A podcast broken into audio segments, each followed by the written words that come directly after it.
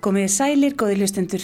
Í þættinum í dag ætlum við að forvetnast um sembalinn, það gamla og ágæta hljóðfæri, upprunaflutning og tölusettan bassa á samt ímsu sem tengist sembalnum. Sérfræðingur okkar er Guðrún Óskarstóttir, semballeikari, en áður en við heyrum spjallmitt við hana skulum við hlýða hér á brotur bókinni Helguleikur sem Kolbjörn Bjarnason, flautuleikari og eiginmaður, Guðrúnar, skrifaði um Helgu Ingólstóttur sembarleikara og sumartónleikan í Skálhaldskirkju. Og við grípum hér niður í kaplan þar sem segir frá því þegar gamalt hljóðfari, klavirkortið, hljómaði í fyrsta sinn á Íslandi.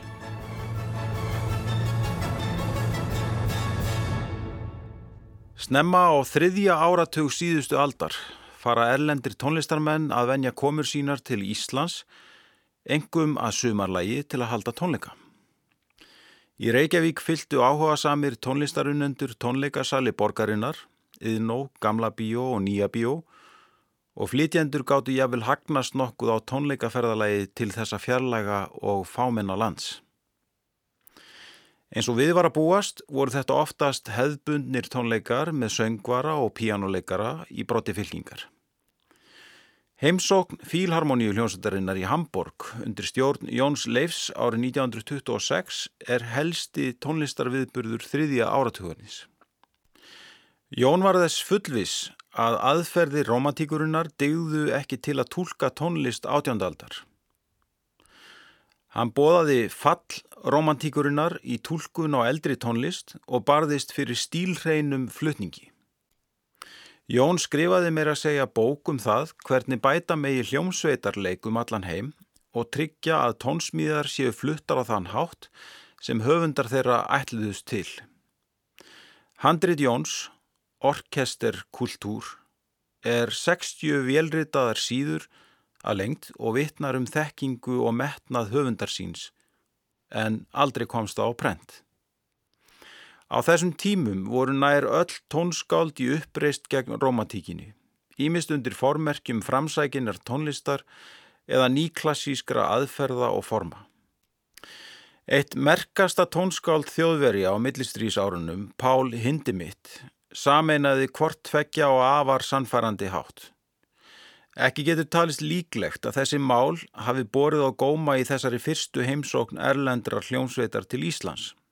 Þremur árum síðar voru hins vegar sett spurningamerki við þekktar aðferðir í tólkun baróktónlistar. Þíski pianoleikarin Charlotte Kaufmann held tónleika haustið 1929 í Reykjavík, Hafnafyrði og á Akureyri. Og í frétti í morgunblæðinu saði meðal annars um tónleikana.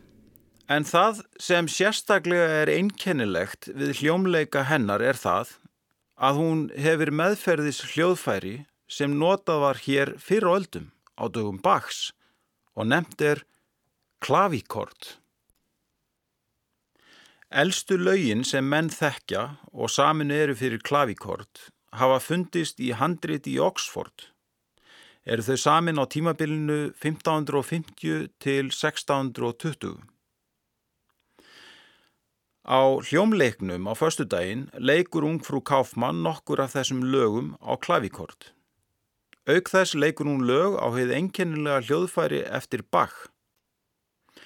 Ungfrú Kaufmann hefur ferðast hér talsvert um landið og kynst landi og þjóð.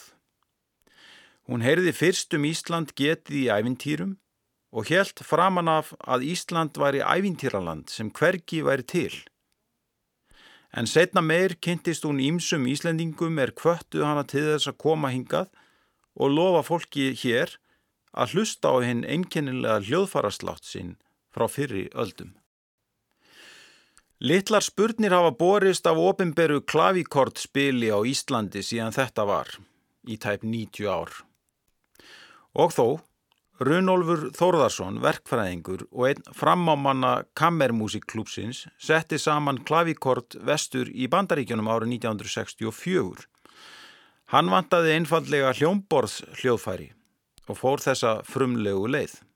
Pantaði ósamsett klavíkort frá verkstæði Volgangs Sukermans, setti það saman sjálfur, kom með það heim til Íslands og leka á það sjálfum sér til skemmtunar og indisauka. Hann lánaði Þorkeli Sigurbjörnsinni hljóðfæri sitt þegar hann flutti vers 2 fyrir flautu, cello og klavíkort eftir Hafliða Hallgrímsson ásamt Robert Aitken, flautuleikara og Hafliða á tónleikum í Reykjavík 1975. Síðar hafi fleiri íslendingar eignast slíkt hljóðfæri til heimabrúks. Já, Guðrún, við sitjum hérna við fallega hljóðfærið þitt. Um, sembalinn, hvaðan kemur þessi sembal? Þessi semball kemur frá Hollandi, frá Amsterdam. Ég lærði út í Hollandi og hérna kom slutlega því að það væri nú eiginlega ekki hægt að vera og ekki hljóðfæri. Þannig að ég, þannig að ég eh, gekk í það að panta mér hljóðfæri og, og, og hljóðfærasmiðurinn hann bjóði hlýðin á kennarinn mínum. þetta var alls svo heimilislegt. Og ég er ennþá með þetta hljóðfæri sem ég egnaðist þarna í, í lóknánsins, hann er semst frá 1988. Hvað kostar það svona hljóðfari? Uh, það er svolítið erfitt að svara því. Ég eh, segju ofta að þetta sé bara svipað og flíil, svona flíilsverð mm. og góðum sembal, mm. og tekja hljóðum bara sembal. Sem, sem þessi er? Já. Þannig að, já, við vitum það að Stanvæg kostar svona um 20 miljónir? Já, ég kannski ekki alveg að tala um hérna þess að svona concentric-læn, svona bara ágættis svona kannski heimaflíil og sembal, þetta sé ekki bara svipaverð. Já. En ég man eftir því þú útskrifaðist úr píanokennaradeildinni og um, þannig að þú, hvern, hvernig stóða því að þú fóst uh, yfir í sembalinn svo? Já, þetta er nú góð spurning. Uh, það var alltaf þannig að hún Helga Ingúrstóttir, hún kendi píanokennaradeildinni, hún kendi okkur hljómbásleik og baráttúlkun og svo var hún svolítið á veiðum þannig að hún hérna bauði okkur að koma í sambaltíma og og eftir að ég þáði það þá var bara ekki aftur snúið. Og nú bara þannig, hún er svona örlega valdur í mínu lífi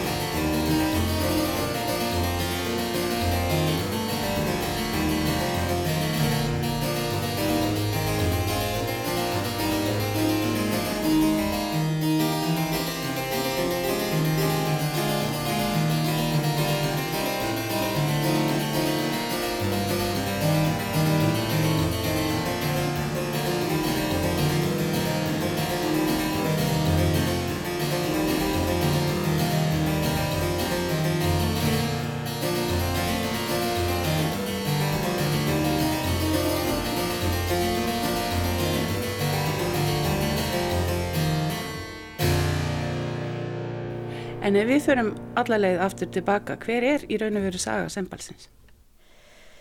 Uh, já, sembal, ég segi ofta að sembalan hann hefur á sér mörg líf, hann er svona svolítið og kötturinn, að hans blómatíma er náttúrulega bara á tímabilið, þannig að þá er hann bara bæði sólurljófari og gegnir vega miklu hlutverki, svona leiki hlutverki í allri kamu músík, óperum hljómsveitum og og já, svona semballin eins og hann er í, í núverandi mynd, hann var, var sem sagt orðin til svona kringum 1500, 1521 minnum að sé elsta hljófari sem er til eins og við þekkjum hann í dag. Nú síðan í lok barutímabilsins þá hérna er sem sagt píanóið, það er bara að finna píanóið og, og semballin verður smá sem hann bara afskaplega púkalegt hljóðfari sem hann með missa smá sem hann bara áhuga hann á og og það meðins að gengur svo langt hann er notar í eldiviði í París vetrar, í vetrarhörkum einhvers það sá ég að, að um, hann hefði verið notaður að vera tekin að lappinur og hann hefði verið notað sem ostapressa já, þá sér þið það Þetta var alltaf, var alltaf að lága engi verðmætti þarna lengur fannst fólki. Nei, nei, bara að það verða að nota hann í eitthvað en það bara um að gera. Eldu við eða hvað, eða ostapressu. Já, síðan hérna í, í lók 19. aldar þá verður svona endurreist, þá fara mér að fá áttur eftir mér að áhuga á sér gamla músík og hljóðfærinum og þá fara mér að gera til hérna með að smíða eftir sembala. Og það er konanafni Vanda Landowska sem að svolítið margir kannast við, er mjög neftir hún svona hérna beitist fyrir því að menn fara að smíða þessi lögfara eftir og í dag þá köllum við þetta svolítið svona plokku píjánó að þessi lögfari voru í rauninni miklu líkari píjánónum en, en gamlu, sembalunum það var til dæmis stálrammi í þeim eins og er í flíklónum í dag og þykir strengir og það voru petalar til að skipta um rattir þannig að maður þurfti ekki hægt að spila en nota hendurinn til að gera það. Uh, og svona hljómurinn er svona eiginlega miklu næði að vera eitthvað mitt, mitt, mitt á millest að vera píano og samba hljómur vegna þess að það var eitthvað mér svona styrstar saman og svona mjög massíft og voru, þessi hljófari voru framleitt bara í massavís í píanavesmiðum þetta voru náttúrulega píanasmiði sem, að, sem að, na, voru þarna að gera til hérna með, með sembaluna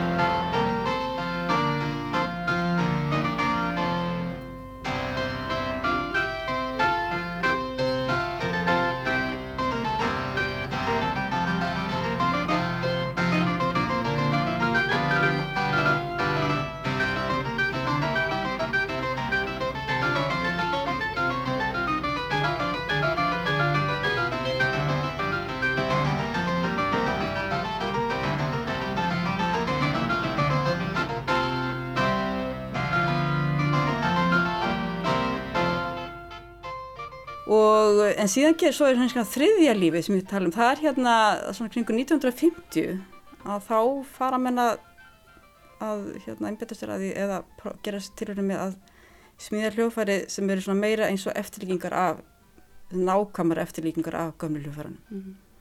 og það er svona kannski Gustaf Leonard aðalega sem að hérna er í broti fylkingar sem kallanstöndur svona afa hérna sembalikara í dag mm -hmm. Og það er eins og því hljóðfæri er það? Já, þannig í dag eru þetta svona misnákomar kópjur af barókssembulum. Mm. En það verður eiginlega að segja að þú, þegar þú ert að fara yfir í þetta, þá er svona að byrja að koma þessi svona, já, þessi bylgja sem að nú er alveg bara í, að þú ert líka svolítið svona frumkvöðul að, að fara, fara út í þetta. Já, kannski mitt, já, við tölum þá bara um eins og mína kynslu eða, já, já. fólki í kringum mig, já. Að, að það eru svona þín kynslu og kannski kynsluðin sem er á undan sem eru svona að, að um, já, að fara út í þessa upprunatúlkun. Já, en svo er þetta náttúrulega, þetta breyst svo mikið, núna er náttúrulega allt morandi í, í sembalegurum og, og bara kljófarlegurum út um allt. Já, en ég segi það, það er ekkert verið svona skríti fyrir þig einhvern veginn að er að taka þetta skref þegar svona fáir voru á þessu sviði? Jú, jú, þetta var auðvitað heilmikið mál. Þetta var svona svolítið eins og bara að læra nýtt tungumál og, og hlýta til húslands sem aldrei komið á þér og byrja alveg upp á nýtt. Já, já.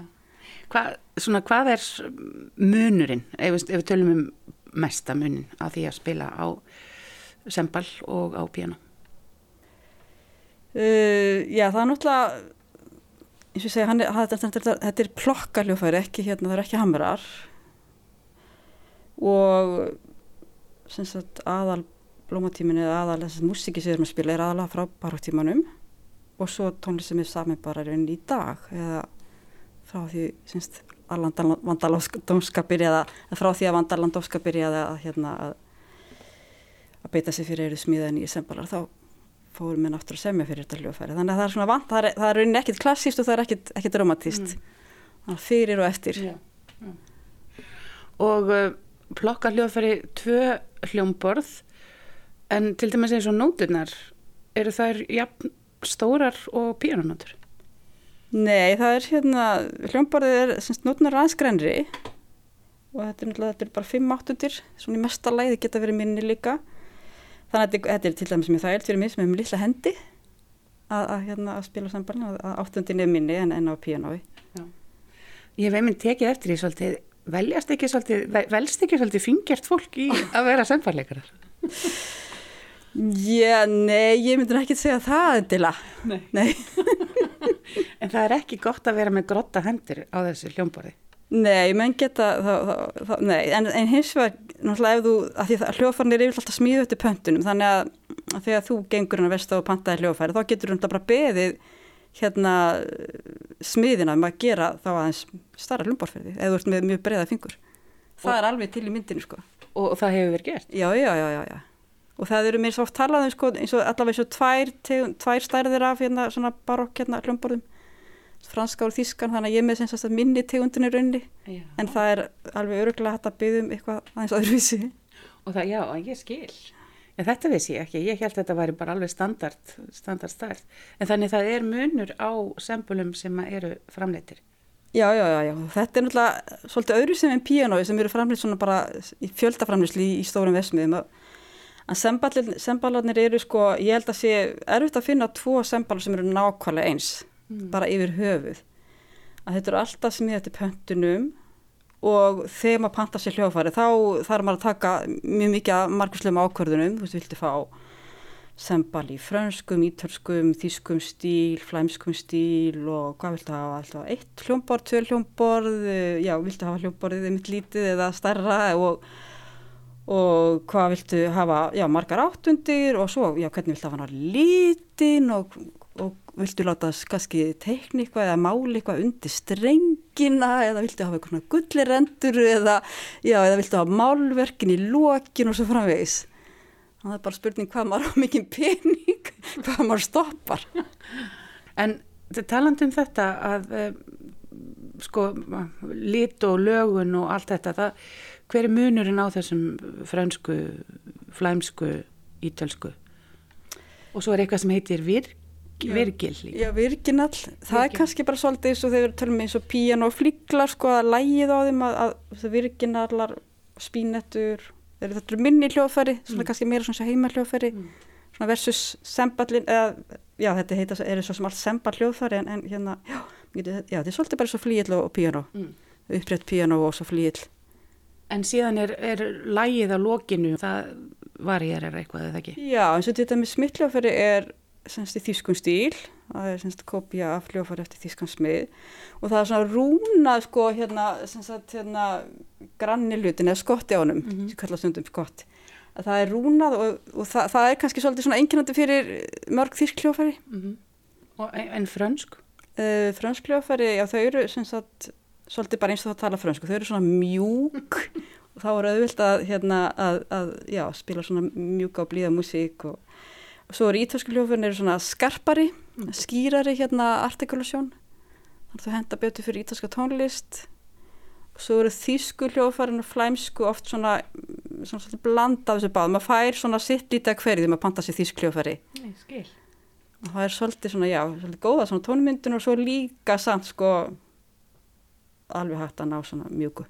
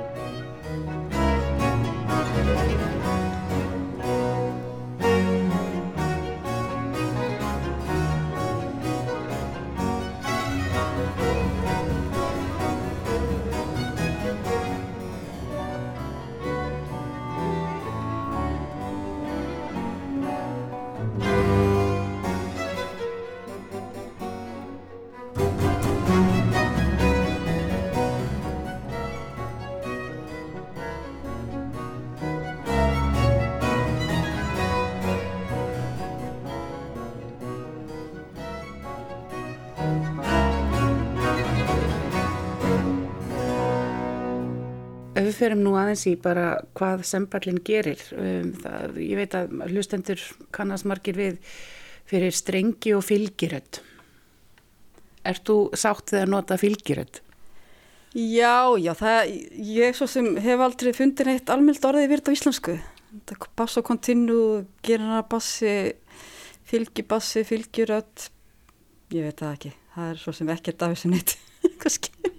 En það er sem sagt semballin og svo gamban eða, eða selóið. Já, þetta í rauninni er bara sem sagt, eitthvað sem að rauninni, við oft tala um að þessi, þessi fylgibassi eða bass og kontinu, þetta sé rauninni það eina sem að sé samilitt öllu þessi tímabili sem við kallum barokk tímabilið sem eru 150 ár og það er náttúrulega bara samið svo rosalega mikið af alls konar tónlist og mismundi stílar í gangi og rátt alveg að þetta sé það sem bindi þetta tímabil saman, það er þessi fylgibassi sem er svona svo rauðu þráður gegnum allt tímabili og þetta er rauninni þannig að þetta er bara 99% af allir kamimúsikum þegar lefur komið törljófari þá er þessi fylgibassi og þetta er þannig að þetta er bassalínan sem er tölusett. Og, og þetta var þá þannig að það þurfti þá að fá eitthvað hljómaljófari meðan mjög oftir þannig að það stendur ekkert sko, það stendur bara að þetta er bara bassi og það stendur ekkert meira, það stendur ekkert hvort það fyrir sembal eða orgel eða, eða hvað. Þá var það bara svolítið eftir, eftir því hvað var til á hvaða stað. Og þannig að það þurfti að vera hljómaljófari sembal, orgel, fortepiano klavikord, harpa, gítar teorpa, lúta. Og svo gerðna til þess að styrkja bassan eitthvað svona laglinn hljófari sem spessa hljófari, það var cello fagott, kontrabassi violóni, gamba. Mm -hmm. þannig að og þetta er í rauninni bara svona, þetta er einhvers svona hraðskrift. En í leið þá er þetta sem sagt og þetta, ég tala ofta um þetta svolítið líkt hérna bókstafsljófanum sem Jassi satt en nota skoldi og þetta er bara til að skapa þetta rými fyrir hérna sko spuna. Þannig að í stað fyrir að skrifa nákvæmlega hvað átt að spila þá, þá hérna færður henni bara þú far bassalínuna, far næstu, næstu röðina og svo færður sem sagt hvaða hljóma átt að spila og hvernig þú gerir að það er svolítið bara þitt mál mm. Þannig að þið eruð í rauninu veru alltaf að spinna Já þannig að þetta er náttúrulega bara þetta er eiginlega bara stæstir út en það er verið sembarleikari, það er þetta mm. að spila svona fylgjuröð Og það fyrir sko klassísk mentaðan pjánuleikara getur stundum verið bara afskaplega frústurandi, ekki satt. Jú. Eða hvað, lítur að hafa verið. Svo er þetta náttúrulega þannig að í dag eru þessar nótu sem að fólk er að spila, sem þeir sem eru ekki sem endilega alveg á fulli í, í barokkinu, þess að hef, þetta hefðbundna, að þeir eru gefnar út þar sem að þá hefur einhver sagt, hérna, skrifa út þennan tölstabassa og það er alltaf gott þegar maður getur sagt fólki að, veist, að þetta er ekkert heila, þetta er ekkert í tónskaldið mm. þannig að þetta er veist, eitthvað sem að þú þarfst ekkert að þú getur bara breyttið og, og, og bætt eins og þetta í hug mm -hmm. En fannst þér þetta spennandi að geta gert þetta? Að, að hafa leiði til þess að, að setja eitthvað frá sjálfu þeirra hann inn? Já, þetta er náttúrulega bara heilmikið nám að læra þetta og þetta er kannski ekki beint þannig að maður setjast niður og gerir bara hvað sem er en þannig að það skrifa sko alveg urmull af kænslubókum á baróttímanum um tjálstu bassa og bara alveg frá því að vera bara fyrir svona byrjendur og, og í það að vera eitthvað mjög flókið fyrir bara fyrir lengra komna. Og svo fyrir þetta auðvitað selta eftir bara eh, hérna á hvað tímabili verkið skrifa og hvað er það að skrifa, hvað höfundur þannig að þetta er svona mismöndi stílar í gangi þeir, og svo er þessi hérna marg umrætti hérna góði smekkur sem að hérna barokkumörnum verið tíðrættum þannig að mann er treyst fyrir að gera þetta á smeklegan hátt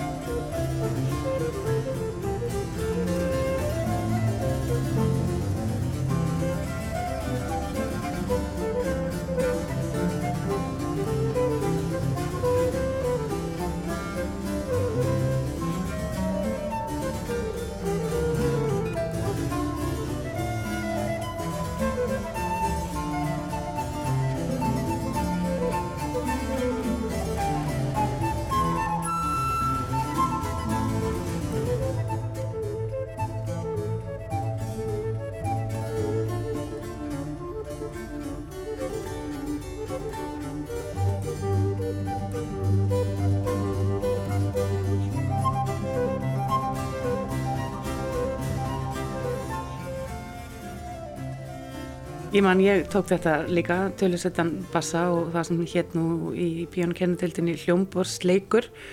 Mér fannst þetta alltaf svolítið flókið og um, ef við tökum bara, ef, getur við gefið dæmi, við erum hérna með nótur, Hva, hvaða, hvaða músik er þetta? Uh, þetta er nú í tókutunum hillun, þetta er hérna Sjenmari Leclerc, þetta er svona fyrir þyðilu og hérna tölustabassa. Mm Það er þetta tvær rattir sem við höfum eins og saman okkur. Við höfum sem sagt fyrirröttin er efri röttin og neðri röttin er bara þessi bassarött. Já, hvort á hvað hljófari við spilum að það svo sem hérna, það er kannski svolítið hefð fyrir að spila þetta á sembal og gömbu, gömban á svolítið svona fransk hljóðfari. Mm -hmm. Að gambar spili þá vinstirhendinurinn með semballeikaranum og svo eru svona alls konar tölu frá hann 6, 4, 6 fjórir, þrýr, sex og sjö og, og þetta er allt sko, þá er rauninni alltaf tali frá bassanum þannig að ef þetta með stendur ef ég spila C og þar fyrir ofan stendur þrýr og fimm Mm -hmm. þá er það rauninni bara þrý hljómur í setur af því það er alltaf talið að þrýjund og fimmund fyrir ofan hérna á bassanótuna og sex því þá rauninni að þá ertu komin í fyrstu hljóngur þá ertu með hérna þrýjundin í bassanum og þá er rauninni sexundin í grundtótnin þá er það rauninni þrýr, sex hljómir þá ertu komin með eins og ég spila H og þá spila ég D og G með skiljanlegt Nei, nei. nei, jú, jú, jú, jú, jú. En sko, eftir hvaða röð það er, það að er alltaf talið frá, alltaf talið frá bassanum. Já, og svo er þetta náttúrulega svolítið hraðskrift þannig að 6 þýðir náttúrulega rauninni 3, 6, 8 af því að við viljum að spila sko, fjárarða hljóm þá þurfum við náttúrulega að spila meirinn bara þess að 6 að 6 er þá grundtótnin mm bassátónin er þá í rauninni 3 hljómsins Þannig að þetta, þetta, þessi fyrsta lína myndi hljóma hvernig þegar þú myndi spila hana fyrir mig. já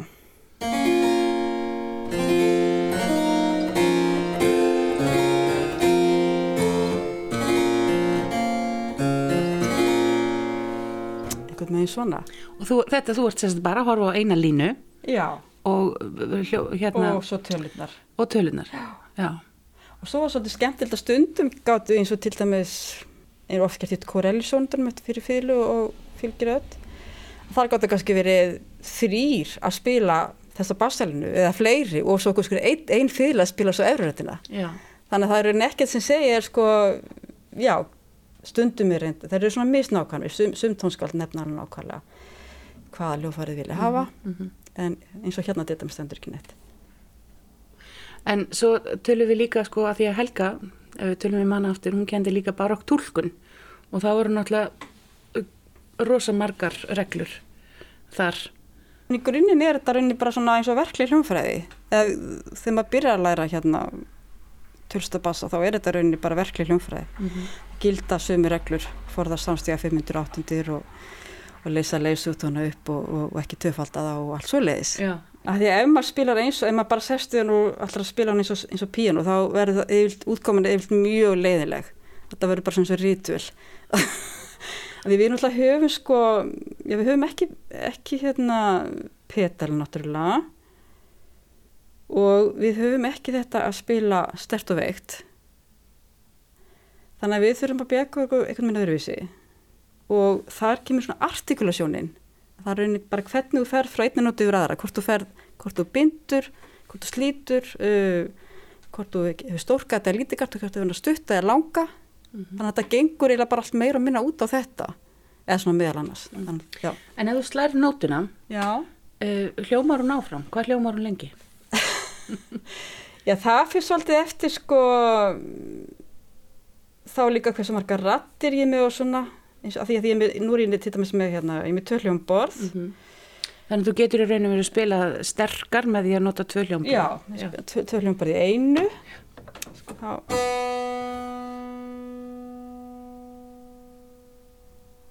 Já. þetta er nú alveg heil mikið Þetta er nú alveg. Já. en það er svona sko til Þarf dæmis það að halda henni niðri til þess að hún hljómi? já, hún leiði í sleppinu þá hérna dempast hún Já, þetta, það er svona eins og á píanóinu. já, Já. það er bara þá, þá er, kemur demparinn og stoppar Já. hljómin Þannig í því rauninu verið þú hefur val. Þetta er ekki bara plokk. Þú getur haldið henni. Já. já, já, en, en svo hún hljómar það er hljóman og stýttir hún á píanói sko.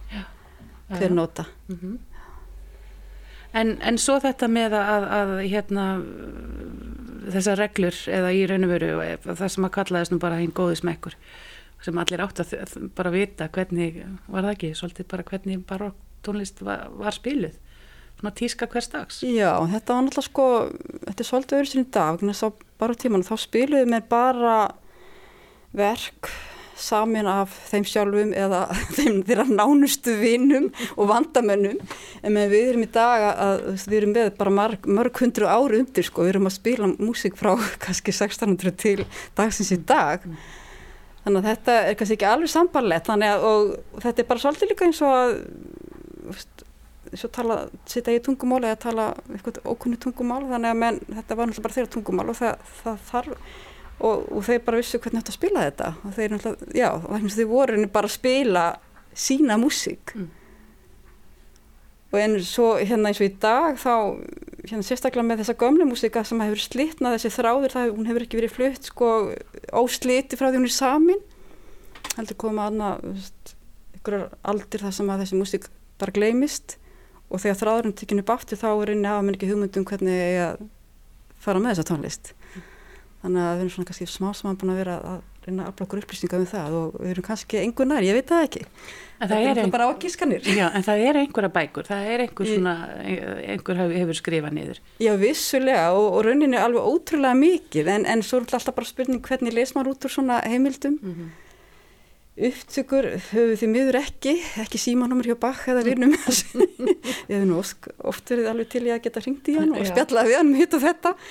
En hérna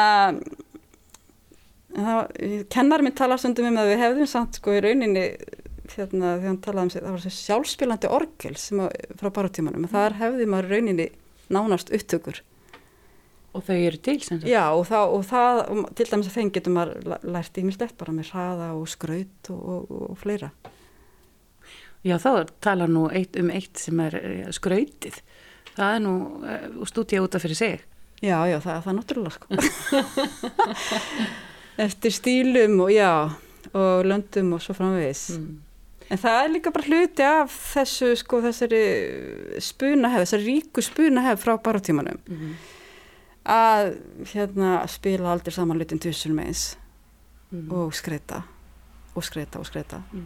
Geðu okkur smá dæmi um svona uh, flúr? Hérna, náttúrulega sambandi við skrauti að þá, sko, skriðu með mjög mismikið niður, mm -hmm. það er mhm. svolítið skemmtilegt líka að fylgjast með því uh, til dæms frakkarnir þeir voru gerðnir að, að skrifa svolítið nákvæmlega niður eins og Frans og Kuperand til dæmis.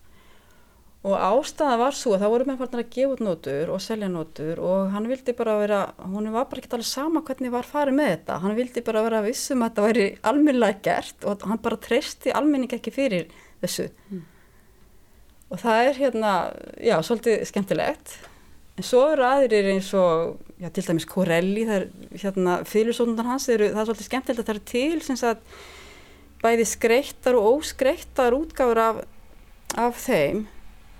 Og sem sagt, það er til bara útgáða sem að var gefin út og það er bara fyrirröttin bara mjög svona, hérna, raunni uh, hvað ég segi, svona algjörlega óskreitt og síðan eru til aðrar útgáðu frá, frá sama tíma og hugsalega eftir Koreli, hugsalega eftir einhvern annan sem eru alveg svona bara rosalega mikið skreittar mm -hmm. einhver svona ítalsku stíl, bara mm -hmm. svona alveg einhver heilur nótnar rauninnar út á söður og, og þá er skreitið allt skrifað út? Já, þá er allt skrifað út, mm -hmm. þannig að menn sem í dag þá ráða með hvort er um í takið þá þessa útgófi og notið þetta skraut eða reynið sjálfur að gera eitthvað annað en það er svolítið erfitt að horfa framhjá sem þetta er svo opaslega mikið og ef við hefðum ekki þessi dæmi þá myndi okkur ekki gruna að þeir hefðu verið að gera þetta svona mm. að gera svona mikið mm. og svo líka til eins og það er til verka eftir telum hann hafa svo mikil kennar í sér sko að hérna til flautusóndir eftir hann það sem hann hefur unnið tvær línir fyrir flautuna aðra óskreita og hinn að skreita mm. þannig að þá er hann svona að, að sína mönu hvað, hann er bara svona að leggja eitthvað til mm. Að þetta er náttúrulega fyrir okkur mjög dýrmættar heimildir. Þetta er líka sínir okkur líka bara svona, finnst mér svona, svona magni og tegundina, þú byrjur hversu mikið skraut og hvaða skraut og hvernig, þú ertu bara að gera svona trillur eða ertu að gera veist, heilu tónstegana upp og niður og... Mm -hmm. Erum í hérna nótur, ef þú myndir nú prófa að spila uh, fjóra takta fyrir okkur uh, óskreita, Já, þetta er hérna Saraband eftir Elisabetu Sjekkjutilager sem var hérna eina fáum konu sem að hérna eh, sem að hérna er þekkt í dag sem, sem baróttónskáld. Frönsk, vettalega? Jú, frönsk, já. já. Ok.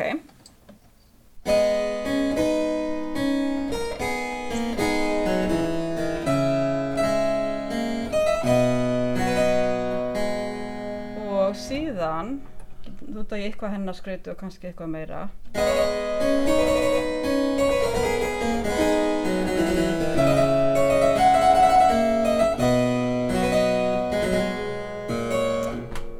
Eitthvað svona. Við skulum taka örlíti hlið á spjallinu við Guðrunu og heyra hér þrjár mismunandi útgáfur af fyrsta þætti fyrstu fylusónutu Arcangelos Corellis. Fyrst heyri við romantíska útgáfu af þættinum í flutningi Arturs Grumjó fyluleikara og Riccardo Castagnoni en slíkur flutningur var algengur á 20. öldinni.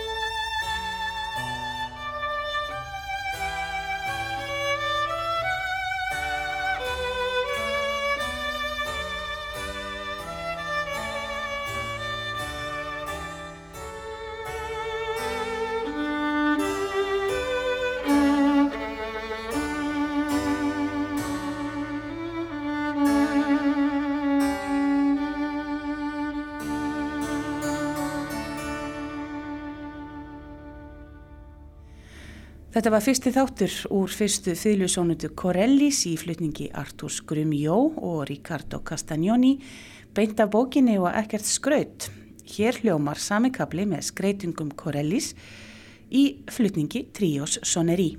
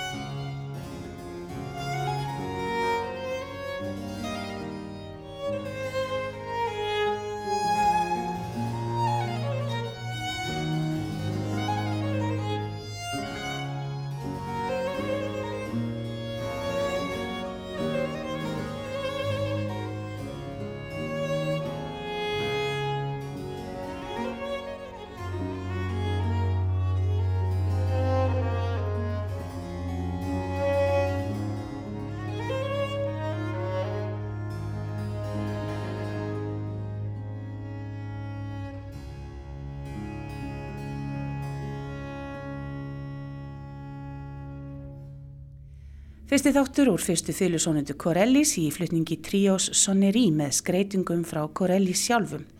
Og hér heyru við svo þá Andrew Mansi og Richard Egar leika sama kabla með sínum eigin skreitingum.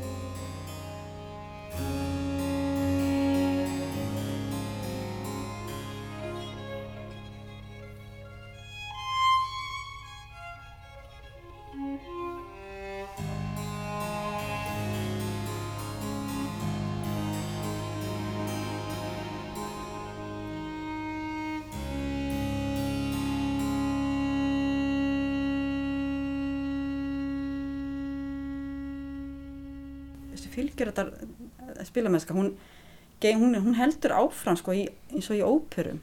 Mm -hmm. óperum eftir Mozart Rossini mirsa þá er menn ennþá að spila þessi restatív eftir tölstu bassa. Komið langt fram á, á átjóndöldina mm. og svo kannski svo þessi, þessi hérna, hefð að að eh, spinna, hún heldur náttúrulega áfram eins og hjá Mozart í Kattinsson hann skrifaði ekki út Kattinssonir sínar. Nei, nei, hún náttúrulega samt þetta bara spann þetta bara staðnum öruglega, margt af þessu já. og píjónleikar að hafa eða forta píjónleikar hafa nú verið að gera það í dag líka. Mm -hmm.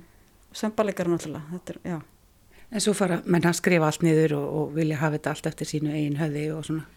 Já, en ég held þetta sé breytast aftur núna, ég held að ung tónlistafólk í dag það er meira farið að, hérna, að spinna já, improv, já, spinna og, og svona þarf ekki að fá allt svona nýður njörða eins og hefur verið, ég held að, já, ég held að bæði kennslan og bara hérna tónlistalið, þetta sé að breytast. Já, ég, ég, einmitt, ég geti trúið því, þetta fer allt í ringi, er það ekki? Jú, það er bara líka eitthvað svona hérna mörkin eru svona mást út kannski á milli, svo þetta með bara klassískra spilara og jazzista jafnvel, menn eru farin að gera vera svona allt í öllu meira mm -hmm. eins og var hérna bara tímanbílinu frekar að vera bara pianistar og spila það bara eitthvað alveg ákveðið mm -hmm. að þetta er alltaf miklu breyðara. En þetta tekur tíma og, og, og að læra og þú ert með einhverja nemyndur sem eru að læra þetta hjá þér. Já, það er nú ekki margir en það eru sem betur fyrir alltaf einhverjir og í dag eru sko, eru tveir íslenski nemyndur í framhansnámi í sambalagi í Európu. Já. Það er svolítið gaman að segja frá því. Já. Kennið í tónskóla þjóðkirkjunar og í listaháskólanum og kirkjulistabröð. Já, þetta er náttúrulega, því orgel er náttúrulega líka semst hljófari sem var mikið náttúrulega bara tímanum. Mm -hmm. Þannig að hérna, þe- fyrir þá er þetta alveg brána og svild að geta spila þetta. Mm -hmm. Spila Þannig að við erum á þess að vita það þá erum við alltaf að hlusta á einhvern ákveðin spuna. Já, allavega ef það eru einhverju sem, að, sem sagt, kunna að fara með þetta og, og eru ekki að spila einhverjar hérna, einhverjar útgáfur sem er sem er búið að gefa menni allt upp. Já. En svo förum við til dagsins í dag og uh, nú ert þú til dæmis í hópi sem að sérhæfi sig í uh, Nordic Affect sem sérhæfi sig bæði því að spila baróktónlist og svo að uh, panta verk og, og flytja ný verk, þess að splungun í. Mm Já, það er svolítið skemmtilegt. Ég hef alltaf haft mikið áhuga fyrir nýri tónlist. Þannig að, hérna, já, og sem sagt þegar að samballin egnaðist þarna nýtt líf kringu 1900 þá fórum við strax að semja verk fyrir hann, eða Vandaland Ósk og fleiri beittu sér fyrir því. Og það er sem betur verið ennþá verið að semja fyrir samballin Mm. og, og þessi gömlu hljófari. Mm Og svo varst hún að segja mér að hann dúkar upp á ýmsum stöðum. Ég sá að hann hafi dúkað þannig upp í ýmsum poplögum að fólki finnst þetta skemmtilegt að, að skreita lögin sín með sembalhljómnum. Já, það er mörgur sem fyrst, fyrst hljóði í sembalnu skemmtilegt. Svo, eh, hérna, já, ég er sem sagt á kunningja í Englandi sem hefur verið að sapna saman svona, hérna, þeim kvikmyndum sem semball er notaður. Og það er alveg ótrúlega, hérna, fjölbreytt og skemmtilegt og oft, oft í svona sillingsmyndum. Já, hvað er það? Er þetta, hann tengir Ég- svolítið svona einhverjum? Já, það er bara, það er greinilega mörg, margir sem tengjan við einhverja svona, einhver trilling, spennu, spennu og drauga og eitthvað. En hvernig svona sér þú framtíð eh, sembalsins fyrir þér? Já, ég vona bara að fá að þróast áfram bara eins og eitt af hljóðfaranu sko. Af því núna, af því ég vil ekki líta á hans sem sem sagt hérna bara einhvern svona gamaldags hérna, fyrir rennara píanósins heldur vil ég bara þetta sé, þetta er rauninni bara tvö ólík hljóðfari sem að eiga bara að fá að, að, dafna bara svona hlið við hlið. Þannig ég vona bara innilega að hann fá að, að dafna og stakka og, já, og vera með bara. Guðrún, ég þakka að kjalla fyrir spjallið og ég bara áfram sembal, segi ég. Já, áfram semball.